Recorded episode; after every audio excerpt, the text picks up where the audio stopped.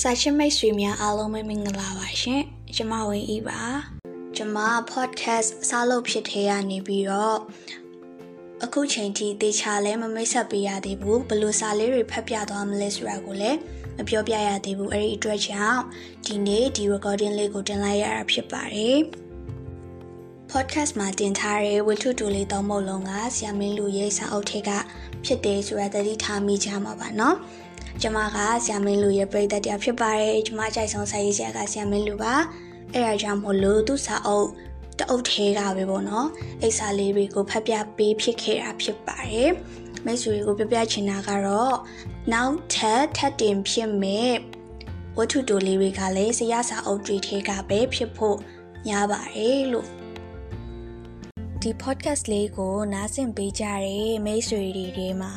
ဆ iam မင်းလူကိုချစ်ခင်အားပေးကြတဲ့မိတ်ဆွေတွေအများကြီးပဲရှိရဆိုတာကိုတွေ့ရပါတယ်လို့ကျမနဲ့နှလုံးသားချင်းထပ်တူကြတယ်လို့ခန်းစားရတဲ့အတွက်ကြောင့်အယမ်းပဲဝမ်းသာမိပါတယ်ဒီနေ့ total place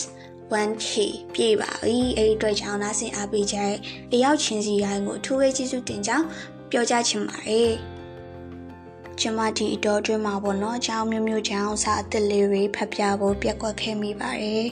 အကြာကြီးပဲပြောင်းနေလိုက်တာလို့လည်းမထင်ကြပါနဲ့လို့ဒီအပတ်စနေနေ့ကစပြီးတော့စနေနေ့ညတိုင်းကိုဝတ္ထုတိုလေးအသစ်တစ်ပုဒ်တင်သွားပေးဖို့ရှိပါတယ်ဒီအချိန်မှာအမှန်တရားအတွက်တိုက်ပွဲဝင်နေကြရတဲ့မိတ်ဆွေရောက်ချင်းစီတိုင်းအတွက်ကျမဖပြတဲ့စာလေးတွေကအမောပြေစီရလေးတစ်ခုအနေနဲ့ ဖြစ်ခွင့်ရတယ်ဆိုရင်ကျင့်တတ်ပါပြီလို့ကျမတို့အရေးတော်ပုံအောင်ကိုအောင်တော့မှာပါဆက်ပြီးတော့အတင်းထားကြပါအောင်เนาะအဲဆိုရင်စနေနေ့ညကိုပြန်တွေ့ပါမယ်တတ်တာ